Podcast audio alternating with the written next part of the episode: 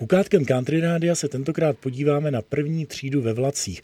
Povídat si s námi o tom bude Ondřej Matěj Hrubeš, šéf reaktor webového magazínu MHD86. Já vás zdravím. Dobrý den. Tak co se děje s první třídou ve Vlacích? Má tam být, nemá tam být, nebo by se měla rušit, nebo naopak rozšiřovat? Co si o to myslíte? A co o tom víte? Diskuzi na tohle téma vzjelo Německo, kde politici z levicových stran začali vyjadřovat ve smyslu, že by se mohla zrušit první třída právě na železnici. A to z důvodu, že prý není nutné jezdit první třídou, že stačí druhá třída a že všichni jsou si takzvaně rovni a první třída někdy, že bývá, bývá nevyužitá. Což vyvolalo velkou diskuzi v tom, že zkrátka někteří lidé si myslí, že každý má opravdu cestovat eh, na stejné úrovni a není možné nikomu umožnit to, aby si za příplatek pořídil první třídu.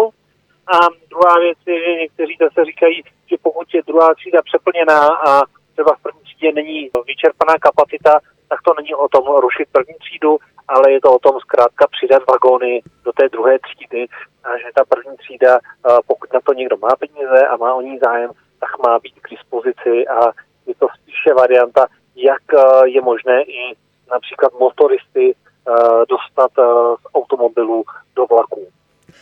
Uvidíme, zdali se ta diskuze dostane z Německa i k nám. Připomeňme si jenom stručně, alespoň čím se první třída liší od druhé, jaké jiné či lepší služby poskytuje v našich vlacích, aspoň některé. Eh, záleží u jednotlivého dopravce.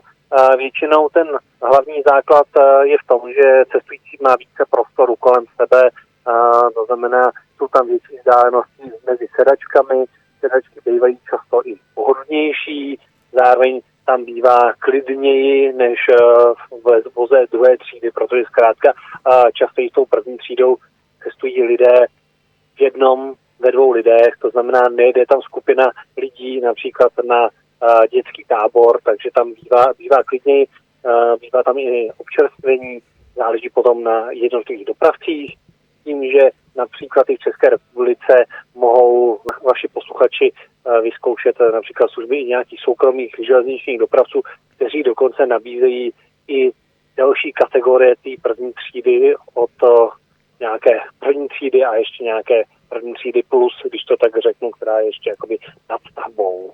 Něco jako business class a podobně. Nicméně já bych poznamenal, že jízdenka do první třídy není místenkou a že pokud si skupina lidí koupí jízdenku do první třídy, tak prostě v ní může jet také. Je to tak? Přesně tak, ano. Není, není, není v tom žádný problém, ale samozřejmě tím, že ta cesta uh, tou první třídou je dražší, tak uh, ty skupiny často uh, odradí. Říká Ondřej Matěj Hrubeš, šéf redaktor webového magazínu MHD86 a bavili jsme se o první třídě ve vlacích. Děkuji a mějte se hezky. Děkuji taky, naslyšenou.